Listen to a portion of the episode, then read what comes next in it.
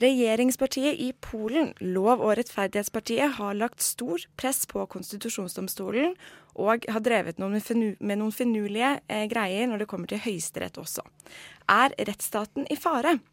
Med oss i studio for å forstå hva som skjer, har vi Eva Sarfi, universitetslektor i Sentral-Europa og Balkanstudier. Velkommen tilbake. Takk. Du var her i fjor og diskuterte den nye regjeringen dannet av Lov- og rettferdighetspartiet i Polen. Og det skal vi komme tilbake til straks. Men først. Regjeringen har lagt stort press på konstitusjonsdomstolen i det siste, og Høyesterett. Hva er de viktigste oppgavene til disse domstolene, og hvorfor er de viktige? Eh, altså Polen og veldig mange andre land har en grunnlovsdomstol, og oppgaven til grunnlovsdomstolen det er å overprøve hvorvidt alle lover, nye lover som da parlamentet vedtar, er i tråd med Grunnloven. Og hvis den ikke er det, så kan de sende eh, lovforslagene tilbake til eh, parlamentet. Det er jo da vanlig praksis at denne grunnlovsdomstolen skal være uavhengig. Det er jo et grunnlag i det såkalte maktfordelingsprinsippet, at domstolene skal være uavhengige. Eh, det var da slik at den forrige regjeringen den hadde rett før den gikk av, utpekt en del grunnlovs, nye grunnlovsdommere fordi at mandatene til de tidligere hadde gått ut. Men da den nye regjeringen kom til makten, så nektet den å anerkjenne disse dommerne, fordi den mente at eh, da er nesten alle dommerne i denne grunnlovsdomstolen utpekt av den forrige regjeringen. Så Det var en lang dragkamp, og til slutt så fikk de sine personer igjennom. Eh, altså de respekterte ikke de som var valgt, og fikk i stedet nye inn. Det de også har gjort, det er at de har begrenset noe grunnlovsdomstolens eh, makt. Um, det er ikke lenger enstemmighet som gjelder uh, innenfor dette forumet, men flertall. Flertallsbeslutninger, og det mener man også da svekker denne grunnlovsdomstolen. Hvorfor vil regjeringspartiet gjerne ha sine utnevnte dommer i konstitusjonsdomstolen? Det er Altså Hvorvidt det har en betydning eller ikke, det er jo noe som er omdiskutert. Eh, de som eh, Altså regjeringspartiet mener at eh, det er et demokratisk prinsipp. Altså den forrige regjeringen utpekte mange dommere. Og den mente da at det var urettferdig at Altså alle meningsmålingene tilsa at de kommer til å tape valgene, altså den forrige regjeringen, og at den nåværende kommer til å vinne. Og da syntes de det var veldig urettferdig at de da rett før de gikk av, utpekte tre nye grunnlovsdommere. Eh, så de mente at det er demokratisk at de får lov til å utpeke noen. De syns også at uh, egentlig spiller det ikke så stor rolle, fordi at dommerne er uansett uavhengige, mener de. Det mener også dommerne selv. Uh, men på en annen side så er det jo slik at politikerne tross alt kanskje har sine favoritter. Det ser vi også i USA f.eks., at det er veldig viktig hvem som blir utpekt. Det finnes konservative og mer liberale dommere. Eh, dette er et nasjonalkonservativt parti, og de vil gjerne da ha sine inn i denne grunnlovsdomstolen. De har også forsøkt å nå gjøre noe med hvordan eh, høyesterettsdommere skal velges. Eh, det har vært vanlig praksis i Polen nå at det er et dommerkollegium som selv utpeker eh, hvem som skal bli høyesterettsdommere, mens nå ønsker nåværende regjering å endre den praksisen, slik at man får to fora, både et politisk og et dommerforum, som i fellesskap skal utpeke dem. Så det blir da mer politisert. Kan du fortelle oss litt mer om dette Lov- og rettferdighetspartiet? Bare i korte trekk. Eh, ja, dette er et man kan kalle det et slags nasjonalkonservativt parti. Um, altså jeg, de vektlegger nasjonen, eh, de polske nasjonale verdiene, nasjonal identitet. Um, som da er nært knyttet til katolsk religion. Um, er det et klassisk høyrepopulistisk parti slik vi ser i Europa? Ja, Det er litt vanskelig å si. De har tross alt en ganske De har kanskje en, en, en litt mer utviklet ideologi, kan man si, enn veldig mange andre høyrepopulistiske partier. Eh, de vektlegger som sagt eh, religion, nasjonal identitet i forbindelse med religion, eh, antiabort, antihomofili. De legger veldig stor vekt på familieverdier, støtte til familier. Men ikke i form av en utviklet velferdsstat, men mer at Kirken skal hjelpe, og frivillige organisasjoner, frivillighet. De legger også vekt på at staten skal styre økonomien til en viss grad, eh, for nettopp da å unngå at eh, multinasjonale selskaper, utlendinger, skal på en måte overta den polske nasjonen. Men det her med at de nå har pushet inn sine dommere i konstitusjonsdomstolen, til tider grunnlovsstridig, og også driver med en del lovendringer i forhold til Høyesterett, det høres ut som det strider imot våre på en måte ganske sterke rettsstatsprinsipper i Vesten. Er det så alvorlig som det høres ut som, eller? Um, vi får se. altså Det kommer jo an på hvordan uh, det jo, For det første, altså det er jo ikke alle land som har en grunnlovsdomstol, bare for å ha sagt det. Uh, men uh, det blir sagt at det styrker rettsstaten hvis man har det. Eh, det andre, dette med høyesterettsdommere. Altså hvis dommerne virkelig er eh, uavhengige, som de selv sier at de er, eh, så er det ikke et veldig stort problem. Men på en annen side, ja, det fins jo konservative, og det fins mer liberale dommere. Så det er et problem hvis disse utnevnelsene skal bli mer politiserte. Det er det. Ja. Eh, men de sier jo selv at dette er en del av demokratiet. Men eh, som sagt, eh, andre vil si at da mangler man såkalt checks and balances, som man ofte kaller det på godt norsk. Det vil si at man har noen kontrollmekanismer som holder politikerne i sjakk. Men det er jo EU f.eks. kritiserer jo Polen veldig for dette. Mm, Polen har blitt kritisert tidligere også for dette med utpekningen av grunnlovsdommere. Um, og her har uh, Polen et problem i forhold til omverdenen, ja. Ja, og Vi skal komme tilbake til EU litt eh, senere i sendingen. Men nå er det jo sånn at et nytt sete i denne konstitusjonsdomstolen åpnes til sommeren. Og Det betyr at Lov- og rettferdighetspartiet kan få flertall av sine utnevnte dommere. Og Så er jo spørsmålet da om en sånn domstol vil være i stand til å gjøre jobben sin, og det har vi vært inne på. Men jeg tenker, um, Lov- og retts, uh, rettferdighetspartiet har jo også flertall i parlamentet, og de har allerede vedtatt en lov som innskrenker organisasjonsfrihet i Polen og gjør det mulig for regjeringen å forby demonstrasjoner.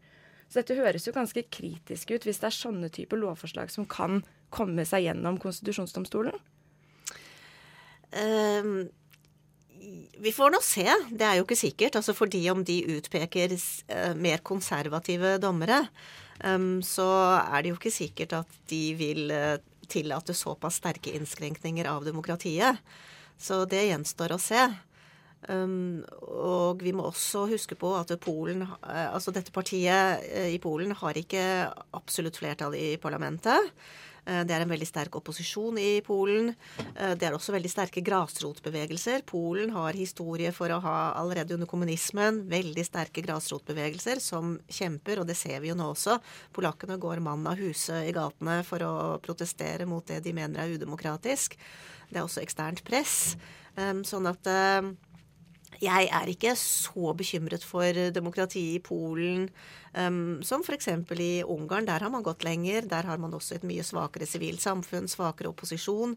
Eh, et annet land i Øst-Europa som man snakker veldig lite om, men uh, hvor det også skjer en del uh, uh, ja, rare ting, for å si det litt nøytralt. Det er Slovakia um, på Balkan. Sånn at det er kanskje fordi man har en veldig sterk opinion i Polen at disse tingene i Polen også virkelig kommer fram. Og fordi selvfølgelig Polen er en veldig stor og mektig stat. Um, men uh, jeg har et håp i hvert fall om at det er uh, at dette ikke kommer til å gå for langt i Polen. Ja, nettopp. Nå var vi inne på Ungarn og litt av det som skjer der. Vil du si at det er en slags sånn bølge i, i Øst-Europa med litt sånn bevegelse vekk fra rettsstaten, kanskje i forbindelse med, høyrepopulisme? For det er jo ikke et isolert tilfelle, dette som skjer i Polen? Altså det, det, er fall, det, er i hvert fall, en tendens at uh, det er uh, nasjonalpopulistiske partier som kommer til makten. Uh, og det disse partiene ønsker, det er å begrense um, en del ekstern innflytelse. Ehm, det var jo slik at etter kommunismens sammenbrudd så skulle jo disse landene innføre demokrati, markedsøkonomi. De skulle løfte økonomien. Det som var oppskriften, det var jo markedsøkonomi, liberalisme, markedsliberalisme. Det disse landene nå har opplevd, det er at i løpet av 20 år så har ikke markedsliberalismen brakt de eh, godene som man har håpet på. Eh, Polen særlig har nok hatt veldig sterk økonomisk vekst, men veksten er veldig skjevt fordelt. Eh, og det gjelder også de andre landene, eh, som kanskje ikke har hatt så stor økonomisk vekst engang som Polen. Eh, sånn at disse populistiske partiene er nok i veldig stor grad en reaksjon på markedsøkonomien. For det disse, staten, disse partiene, nasjonalpopulistiske partiene gjør og lover, det er at de skal begrense um, utlendingers, altså utenlandske investorers, multinasjonale selskapers makt, markedets makt. Um, og de lover også økt grad av omfordeling.